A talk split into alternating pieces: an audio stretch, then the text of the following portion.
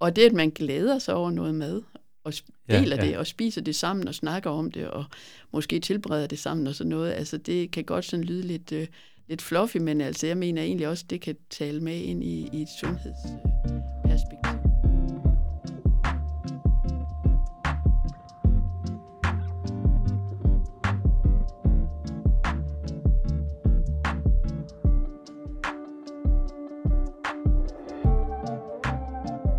Velkommen til Videnskabskanonen, din videnskabspodcast.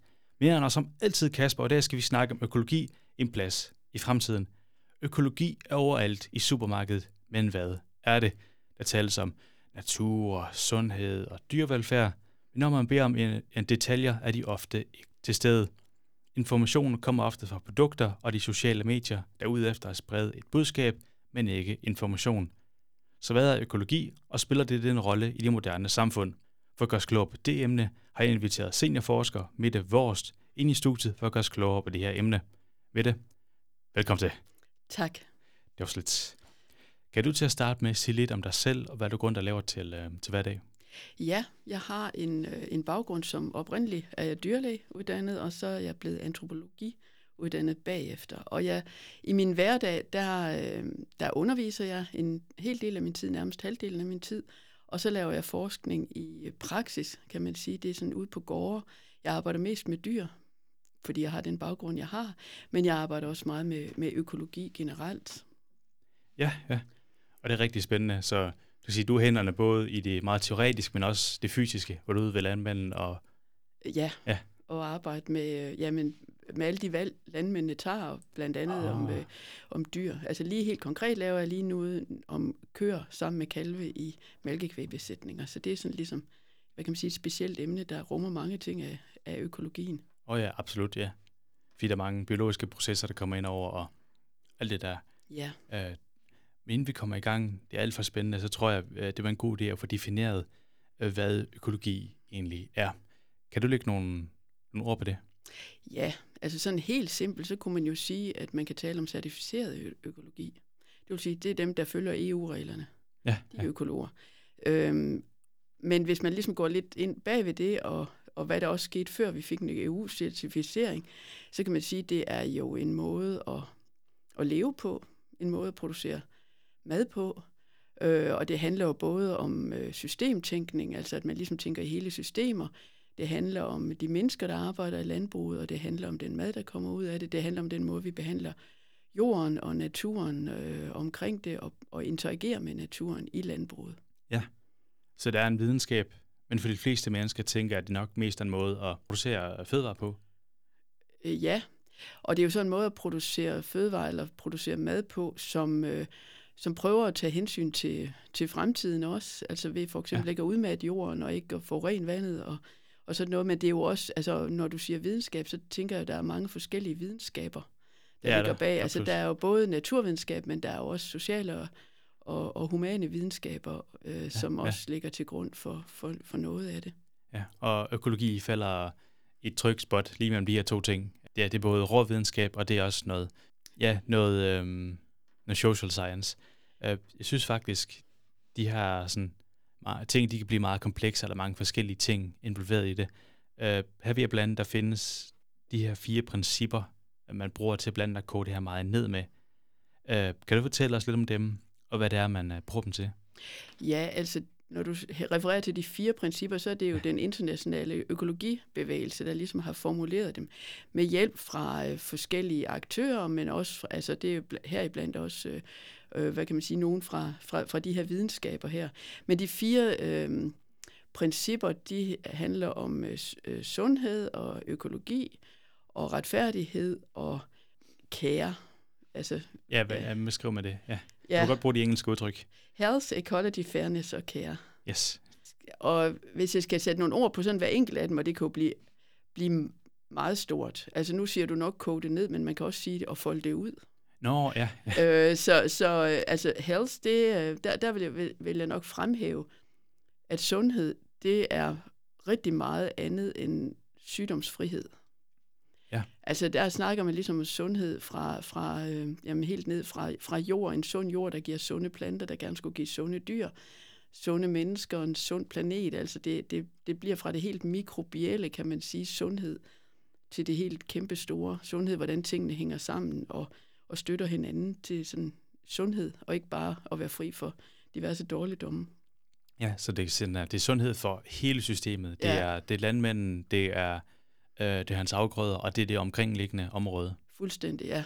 Okay, på den måde.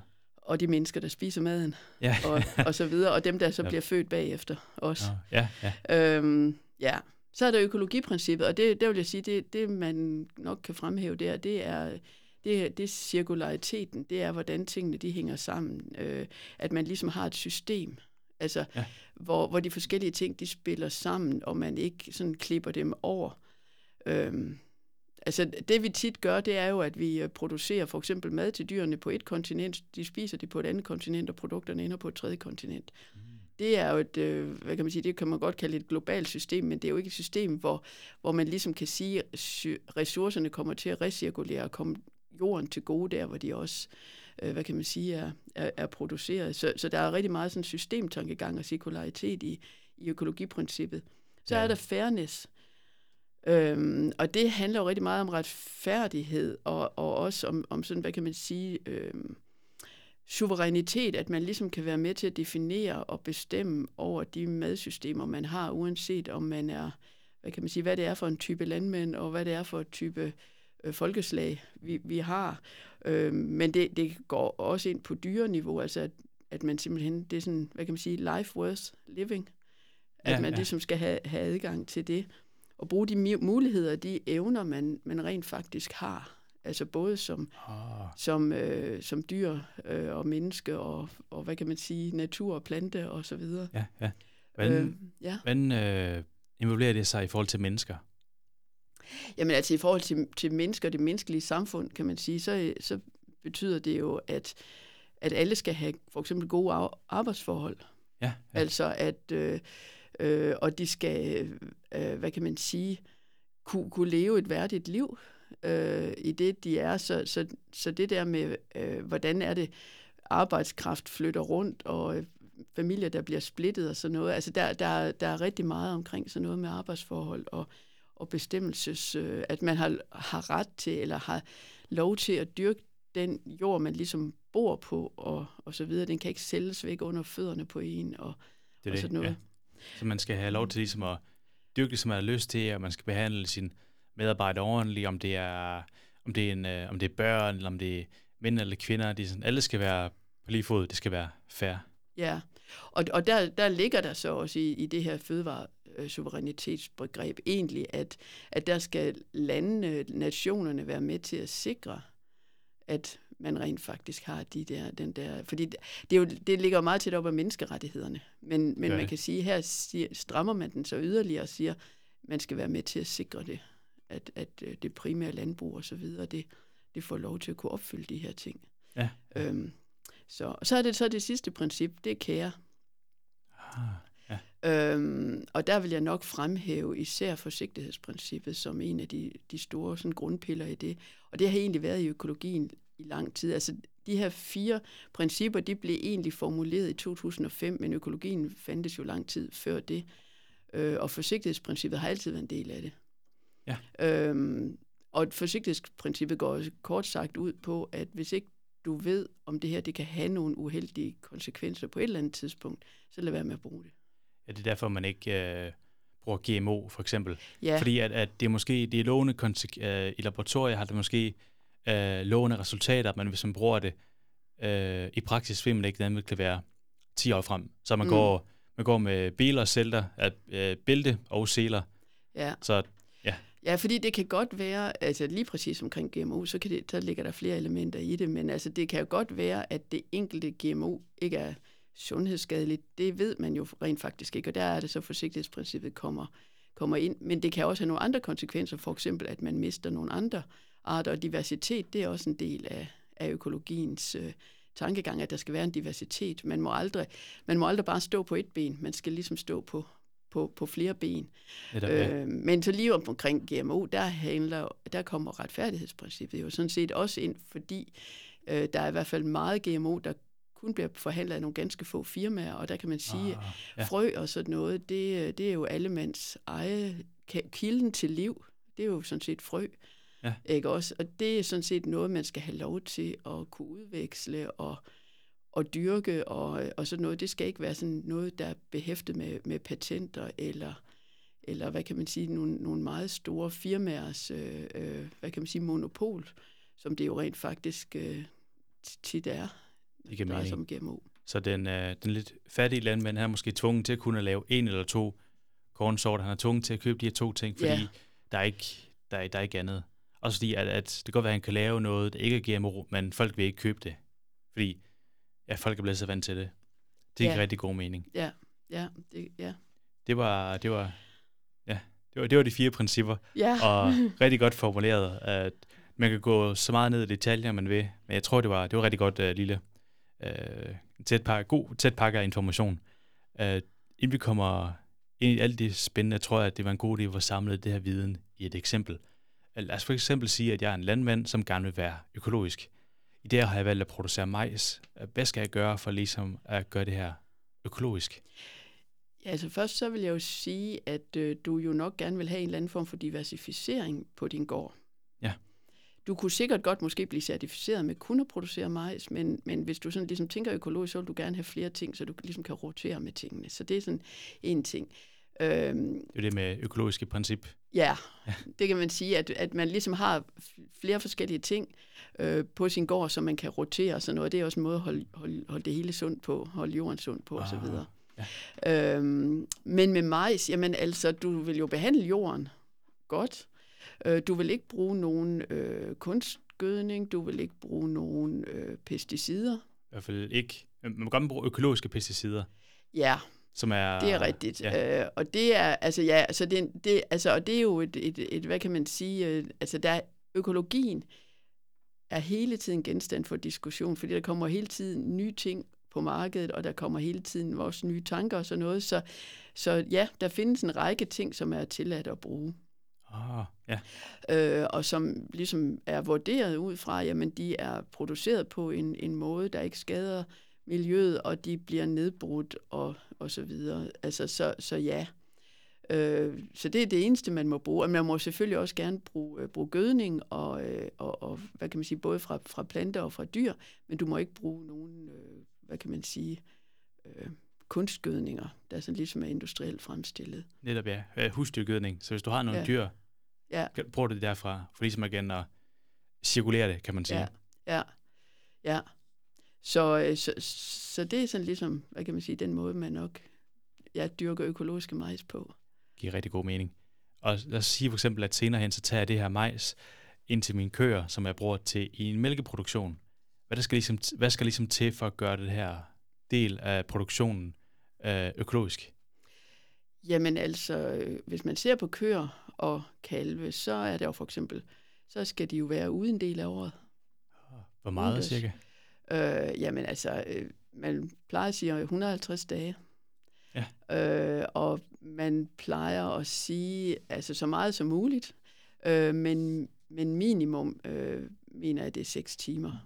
De skal være ude, oh, ja. sådan ifølge reglerne. Men altså, man kan sige, hvis man ligesom følger de økologiske principper, så er, er køer, de er drøvtykker, de græsser, Ja. og de er, øh, han har sagt, bygget til at, at være ude og til at, at vandre og til at græsse og til at, at drøvtykke. Så, så det, øh, det, det, det vil man prøve at give dem de muligheder for.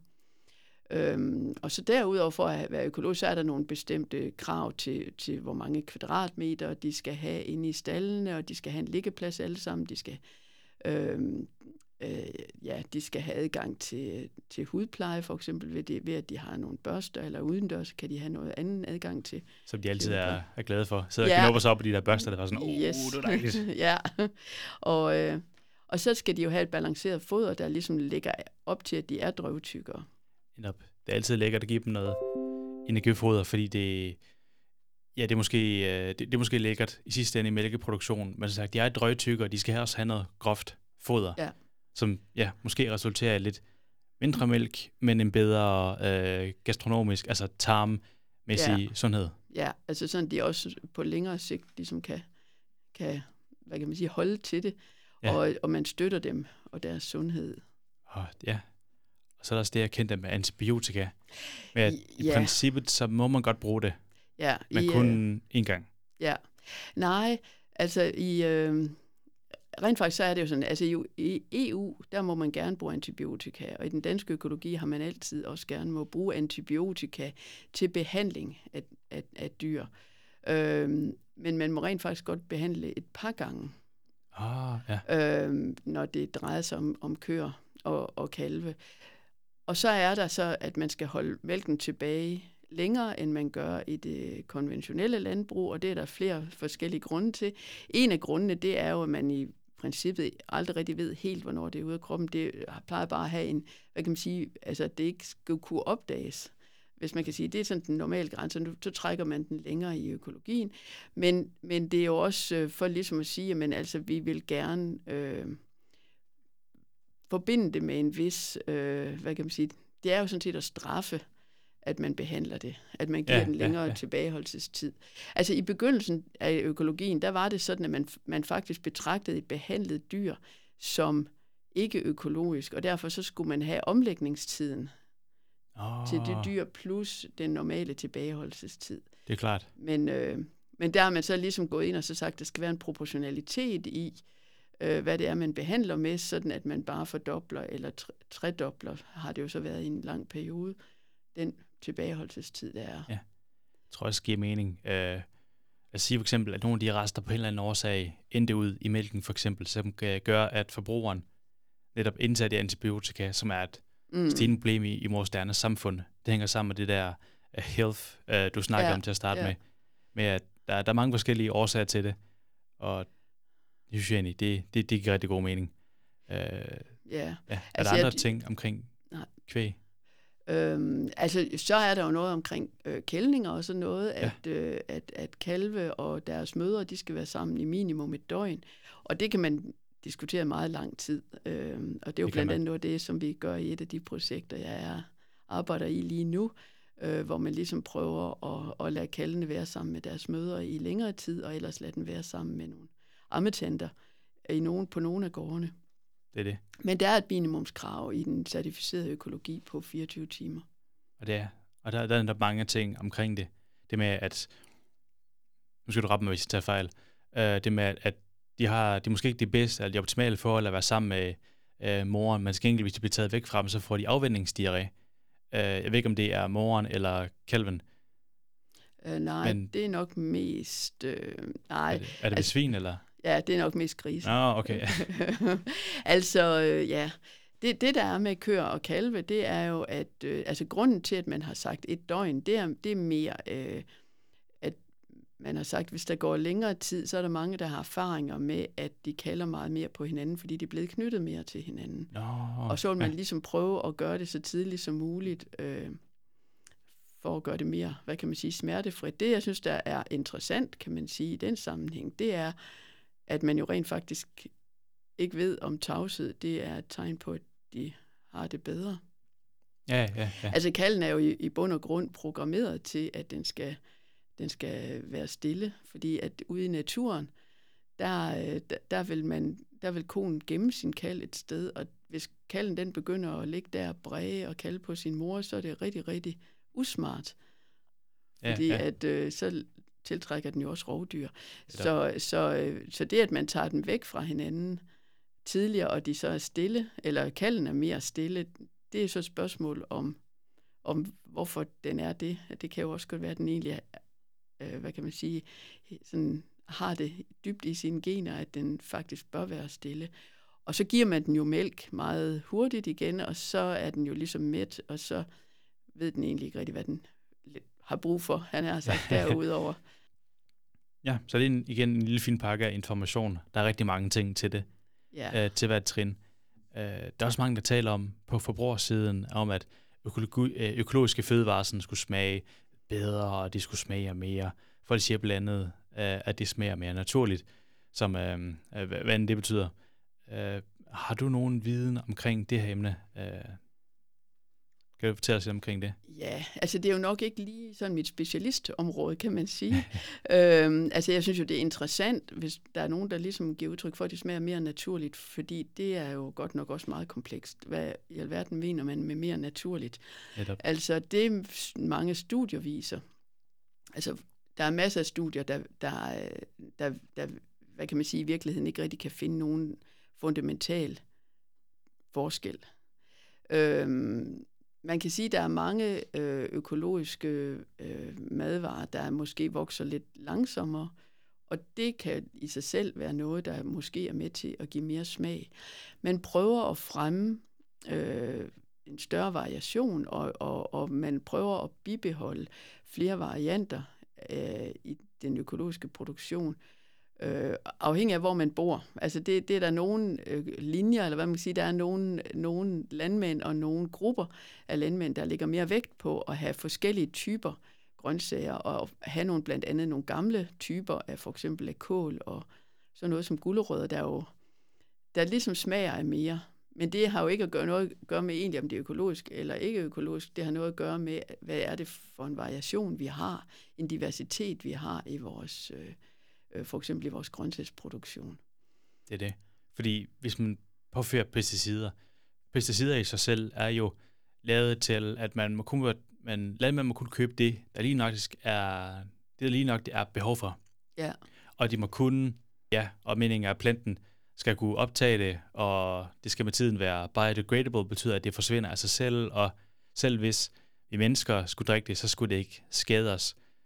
Men jeg tror, det er ret nemt at øh, tænke, at det i den grad har en indflydelse på, øh, lad os bare sige, planten i sig selv, fordi lad os bare sige, at, at planten reagerer på den der udfrakommende øh, stimuli, og det er selvfølgelig ved den, det vil øh, stimulere sit øh, immunforsvar eller noget lignende, som så nok vil have en indflydelse på, at sige, øh, indhold af gluten eller det ene eller det andet.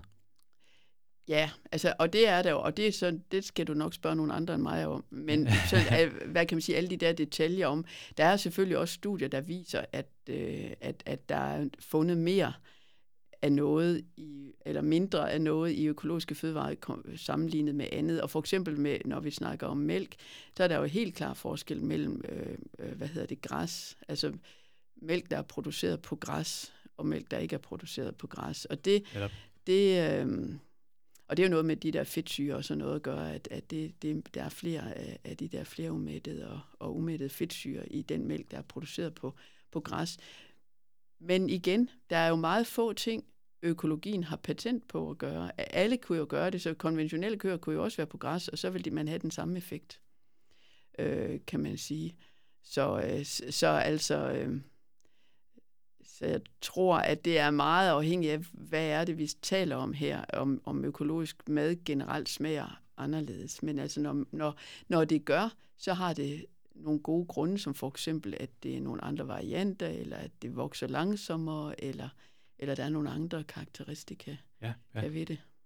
Jeg tror, jeg, tænker, jeg tror mange er spændt på, uh, her for godt og vel, jeg tror det er 8, 10 år siden, eller sådan noget, der snakker man om, at der var en overraskende stor mængde antibiotika i konventionel, altså øh, almen øh, landbrugsproduceret kød. Er det noget, du har beskæftiget med? Fordi selvfølgelig, de er ikke til stede i økologiske behandlede dyr. Nej, Al- altså i dansk kød? Ja. Ja. Men, nu kan det selvfølgelig bare være noget, der blev poppet op af... Ja, Altså, der var jo nogle kampagner på et tidspunkt omkring, hvor, hvor meget man egentlig behandlede danske. Det er jo så nok også mest grise, man ja. har, har, har snakket om. Altså, der burde jo ikke være noget øh, målbart antibiotikarester i noget som helst, der ryger ud på i kølediskerne. Så ja, det skal ja. jo ligesom stå helt klart. Øh, men altså, der har altid været en, en tilstræbelse i, i økologien om, at at behandle så lidt som overhovedet muligt, simpelthen ud fra den grund, at man kan sige, at raske dyr har ikke brug for at blive behandlet, så vi skal gøre, hvad vi kan for at holde dyrene raske. Øhm, så, så, så på den måde, der kan man sige, der, der har der altid været et erklæret mål om, at det skulle man prøve på i økologien. Det er det. Og der tror jeg, at der har man nok hjulpet sig selv meget ved at tage dyrene udenfor. Ja. Igen, når de kommer ud, og det er øh, at man må sige, at det, ikke, det er ikke en mulighed for dem at være ude for. De skal være ude 6 timer om døgnet, og det kan være øh, en, en god ting, fordi de elsker udenfor. Det kan også være en dårlig ting, fordi nogle gange så gider de virkelig ikke ud. Det kan variere fra, øh, fra, fra kul til kul.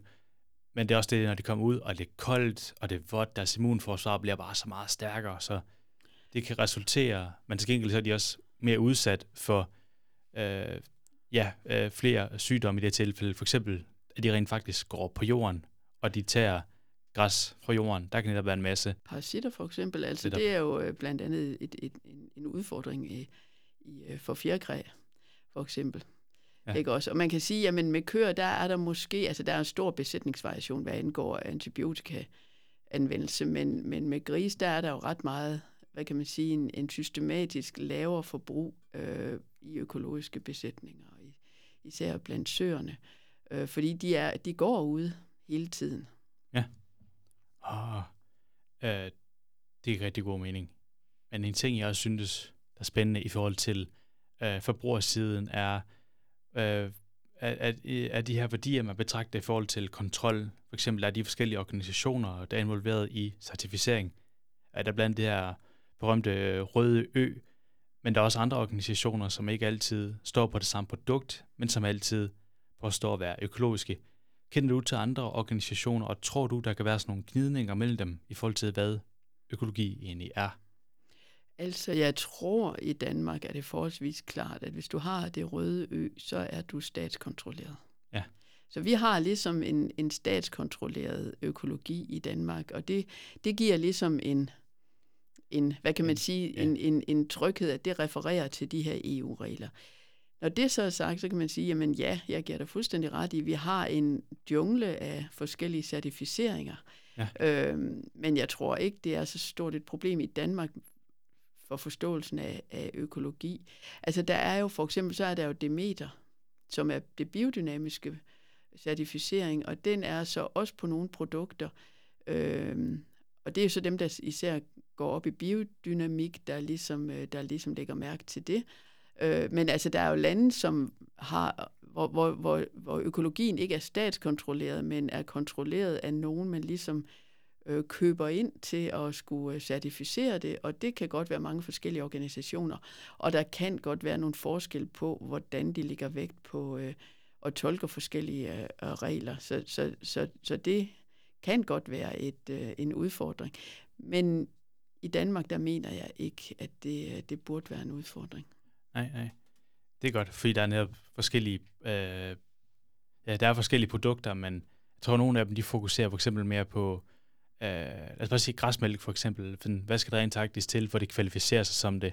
Og det ja. kan være, at det bliver det mere specifikt. Så det røde ø er en god sådan all-around øh, kontrol, mens der er nogen, der går lidt mere specifikt ned i ja, specifikke emner. Ja, ja.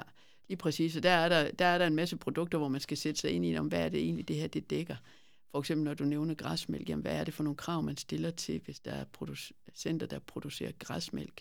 Og det er jo som regel lanceret af jamen, nogle bestemte mejerier for eksempel, eller forskellige, altså inden for andre brancher, forskellige ægpakkerier, forskellige, altså de stiller nogle forskellige krav til, til deres producenter. Det, øh, det er jo både smadret spændende at sætte sig ind i, men det kan også godt være lidt forvirrende, hvis det ikke lige er det, man har tænkt sig at stå og læse på, når man, man står og vælger nede i et eller andet supermarked klokken halv fem en eftermiddag. Ja, med børnene, der hænger ja. op af ben på en og sådan. Ja. ja. Der er meget at vælge imellem, men ja, det, det røde ø er altid en sikker løsning. Når det ja. kommer til sundhed, hvor står økologisk fødevare egentlig? Fordi der er sådan, jeg tænker ikke nødvendigvis, at bedre arbejdsforhold ligesom bidrager til sundheden af produktet, men måske er der andre ting, der kan det. Ja, Altså, og jeg ved ikke, om jeg vil købe den der med et bedre arbejdsforhold. Altså, du kan jo skelne mellem, øh, hvem er det, der producerer de her fødevarer. Det er jo også deres sundhed.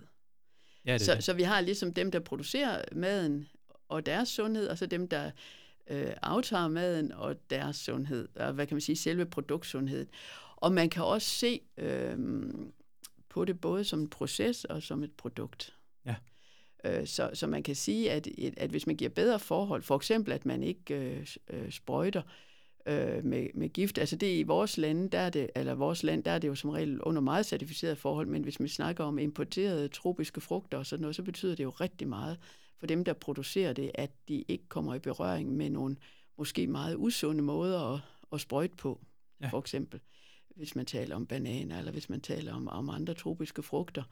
Men hvis vi snakker om selve produktet, så kan man sige, langt hen ad vejen, så er det netop det, at man ikke bruger pesticider, vil jeg jo sige, det gør noget ved sundheden generelt. Ja. Altså, der findes jo mange pesticidrester i mange produkter. Og nogle gange så er det jo så ikke, hvis nu man taler om appelsiner eller sådan noget, så kan man sige, at det sidder i skralden, ja, så får du det på fingrene. Hvad skal du så dem, når du, ja, ja. når, når, du, øh, når du spiser af appelsinen og, og, og så videre og så videre. Så jeg vil sige, det, det rykker rigtig meget ved, øh, ved min fornemmelse af produktsund, øh, altså sundheden ved selve produktet.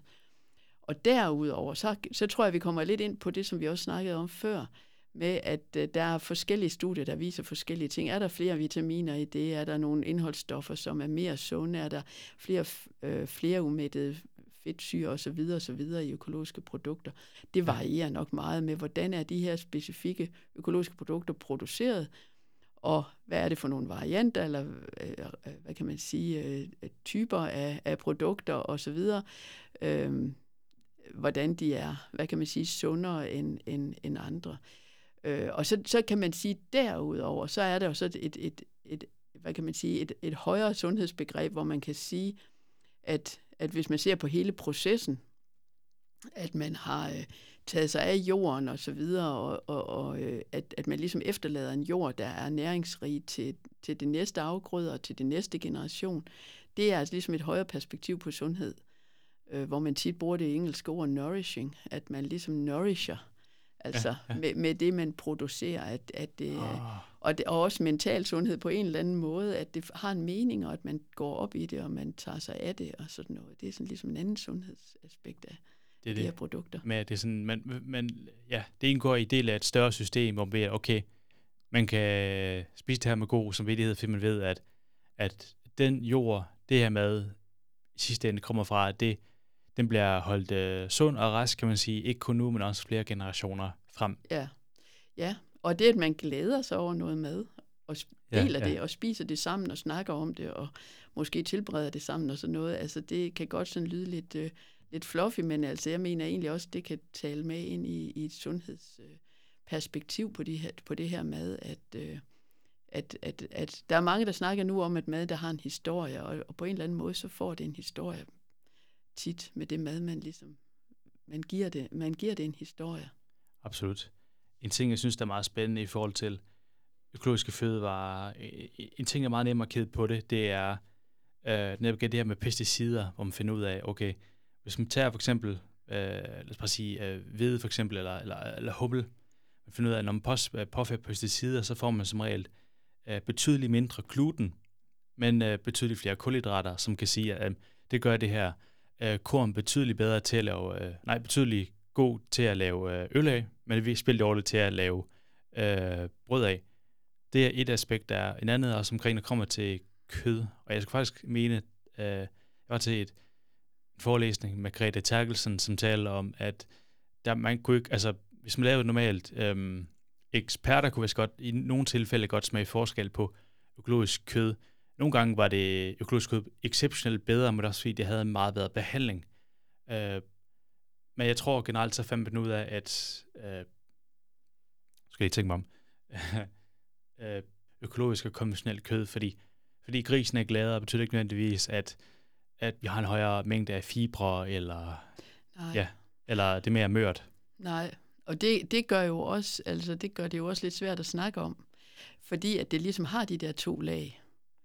Altså det har en, en hvad kan man sige, en proces sundhed, hvis man kan kalde det det, og et produktsundhed. Ja, netop. og, og proces, eller proceskvaliteten er jo noget af det, som, øh, som man måske, det er netop det der med, at det har en historie, eller at, at man ligesom er glad for det, fordi at man tænker, at det her det bidrager på en eller anden måde til, at vi ikke forurener drikkevandet, eller, eller sådan noget. Så, så, så, så, øh, så bidrager det til en anden form for ens sundhed, kan man sige, sådan samlet set. Altså, set ud fra et helhedsperspektiv. Øh, men det er, ikke, at det, det er jo ikke noget med, der er målbart i, øh, i form af fiber eller vitaminer eller mineraler eller sådan noget i selve produktet, nødvendigvis. Det er lige det. Øh, ja, en ting, jeg tænker på, når jeg kigger på økologi som sådan et, øh, et, et, et kæmpe fag i sig selv, det er, at der garanteret også er en del udfordringer. Hvad er en af de største problemer, eller kan man sige udfordringer, man har inden for økologien? Øh, nu er jeg selvfølgelig godt, det er et ret stort emne, så hvis du har lyst til at tage en vinkel, så gør du bare det. Ja, det er et kæmpestort øh, emne. Altså jeg vil jo nærmest sige, at et problem for økologien, det er, at man ligesom er kommet så langt væk fra den der systemtænkning, at det er enormt svært. Ja, Og ligesom at se værdien i, hvad er det egentlig, vi har med at gøre her, fordi at, øh, at vi har bevæget os meget væk fra den i det, sådan, hvad kan man sige, effektive, vores måde at væ- være effektive på i landbruget. Det er mere en, måske en udfordring for økologien, end det er en udfordring i økologien. Åh, oh, ja. Øhm, altså, og så vil jeg så sige, at nogle af de udfordringer, man står med i det økologiske landbrug, det er måske i virkeligheden sådan noget som mangel på, øh, på unge mennesker, Ja, ja. der vil tage over og vil være landmænd. Oh, ja. Og sådan noget ikke også, at, øh, at, at det synes jeg sådan set egentlig er en kæmpe stor udfordring. Hvem er det, der skal drive det fremtidige økologiske landbrug? Fordi det kræver en del netop systemviden Hmm. at man, øh, at man, man driver det her landbrug. Man skulle gerne ligesom have et forholdsvis diversificeret landbrug, og vi har brug for at tænke, tænke nyt. Vi har også brug for måske at tænke i andre samarbejdsformer inden for landbruget og sådan noget. Så der er en masse, man kan godt have en masse visioner, men vi skal også være sikre på, at vi har de mennesker, der egentlig er interesseret i at føre det her ud i livet, sådan i, i, i fremtiden. Øh, det, skal være, det skal være attraktivt, og det skal være spændende, og, og det skal være muligt økonomisk, og så videre. Absolut. Så, Især øh, den sidste del, tror ja. jeg, det er meget spændende. Specielt Ja. nu her. ja, Øh, også en ting, jeg tror relaterer sig til det her emne, er, at, at når jeg observerer det her som agrobiolog, øh, ser jeg ofte, at økologi ofte er set, øh, ofte er observeret gennem linsen af konventionelt landbrug. Øh, for eksempel beskrives økologi ofte som et system, som man siger det, man siger det uden antibiotika, man siger det uden pesticider. Og det synes jeg er lidt forkert vinkel, øh, hvis du spørger mig. Har du en holdning til det her? øh, ja, altså det kan jeg jo give dig meget ret i. Og det er lidt det samme som, øh, altså at man betragter sundhed som sygdomsfrihed i virkeligheden, ikke også? Altså at man, ja. man, man gør noget af det, og, og, og hvor man ligesom øh, tit snakker om det ydelsesgab, der er i økologien, altså at man ikke producerer så meget, som man gør i det konventionelle. Og, øh, og der kan man sige, jamen nogle gange så kunne man jo også vende bøtten om, og så sige, jamen hvis man prøver at holde en balance, og man prøver at sikre, at jorden forbliver sund, og at der er en balance mellem antallet af dyr og den jord, vi har, og uden at skulle importere alle mulige fødevarer og så videre, eller foder, så, øh, så, så i virkeligheden, så, så det, man kan sige, man gør inden for det konventionelle, det er, at man jo i virkeligheden doper systemet. Ja, ja. Altså sådan, at man overproducerer på en måde, der er utrolig usund øh, og, og ikke særlig bæredygtig for fremtiden. Så i stedet for at snakke om, at man producerer mindre i økologien, så kan man sige, at økologien prøver at holde en balance. Man overproducerer, og det har en pris ja i det netop, ja. konventionelle.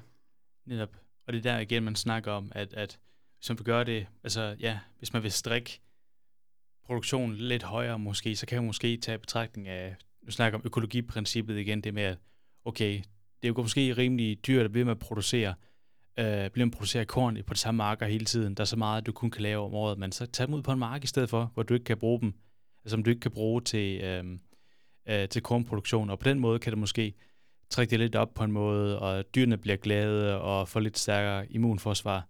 Sådan, ja. jeg, jeg, jeg tror sådan, ja, ofte så ser økologi, eller folk ser ofte økologi som konventionel landbrug, men lidt mindre, mere indskrænket. Men jeg vil faktisk sige, at det er betydeligt mere øh, udbredt, betydeligt øh, meget mere større.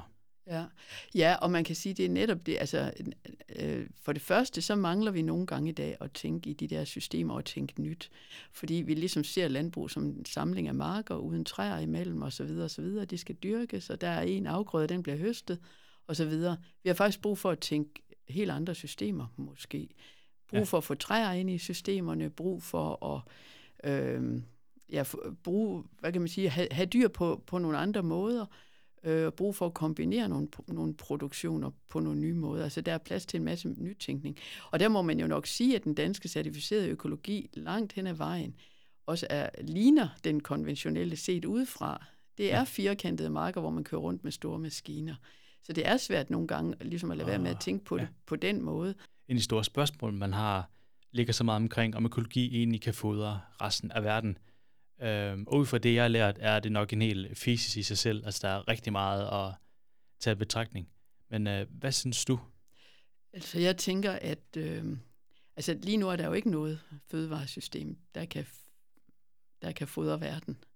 Altså, det, det, den er i hvert fald helt klart ikke fodret, han har sagt, fordi der er sultne mennesker, og der er store problemer med livsstilssygdomme osv. Så, videre, og så, videre. så der er en hel masse, der skal laves om.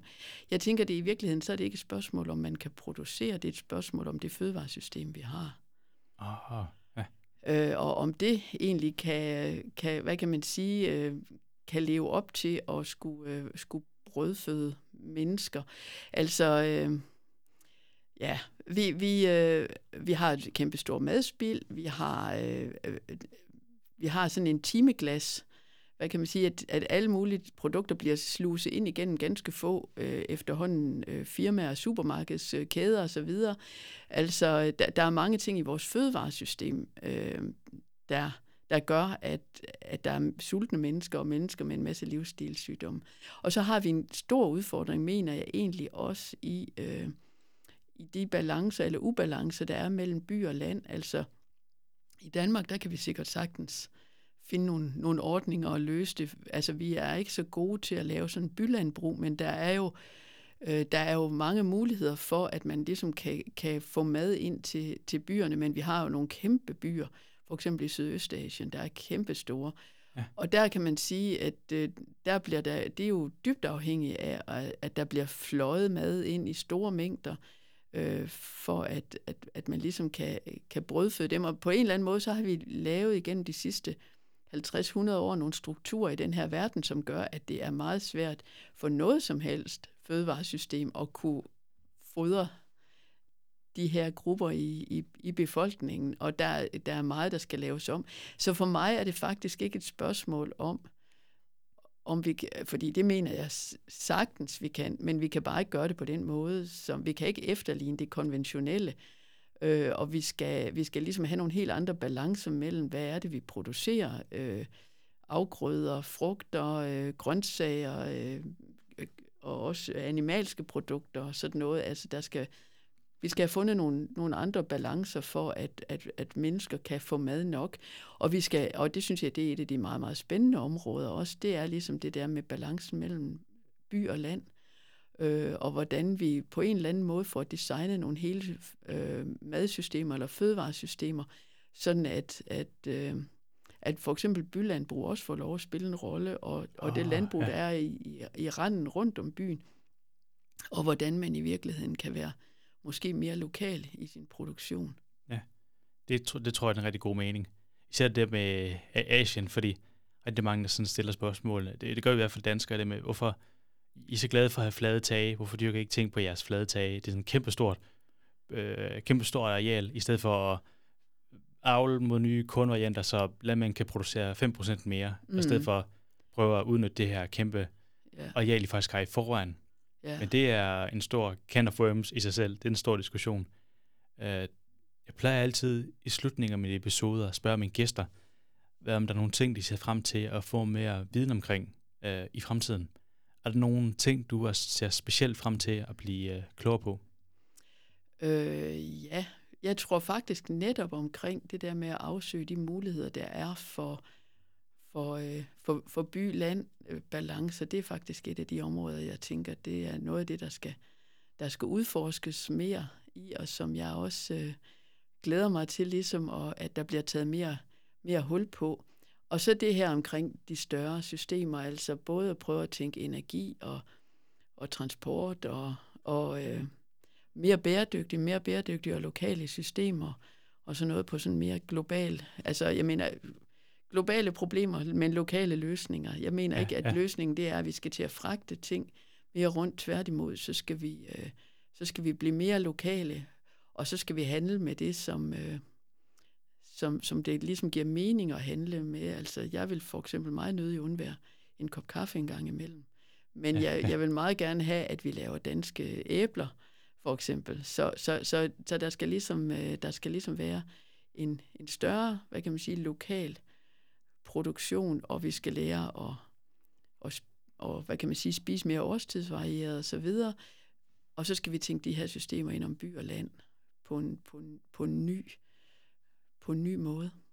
Det synes jeg faktisk er en virkelig, virkelig god pointe.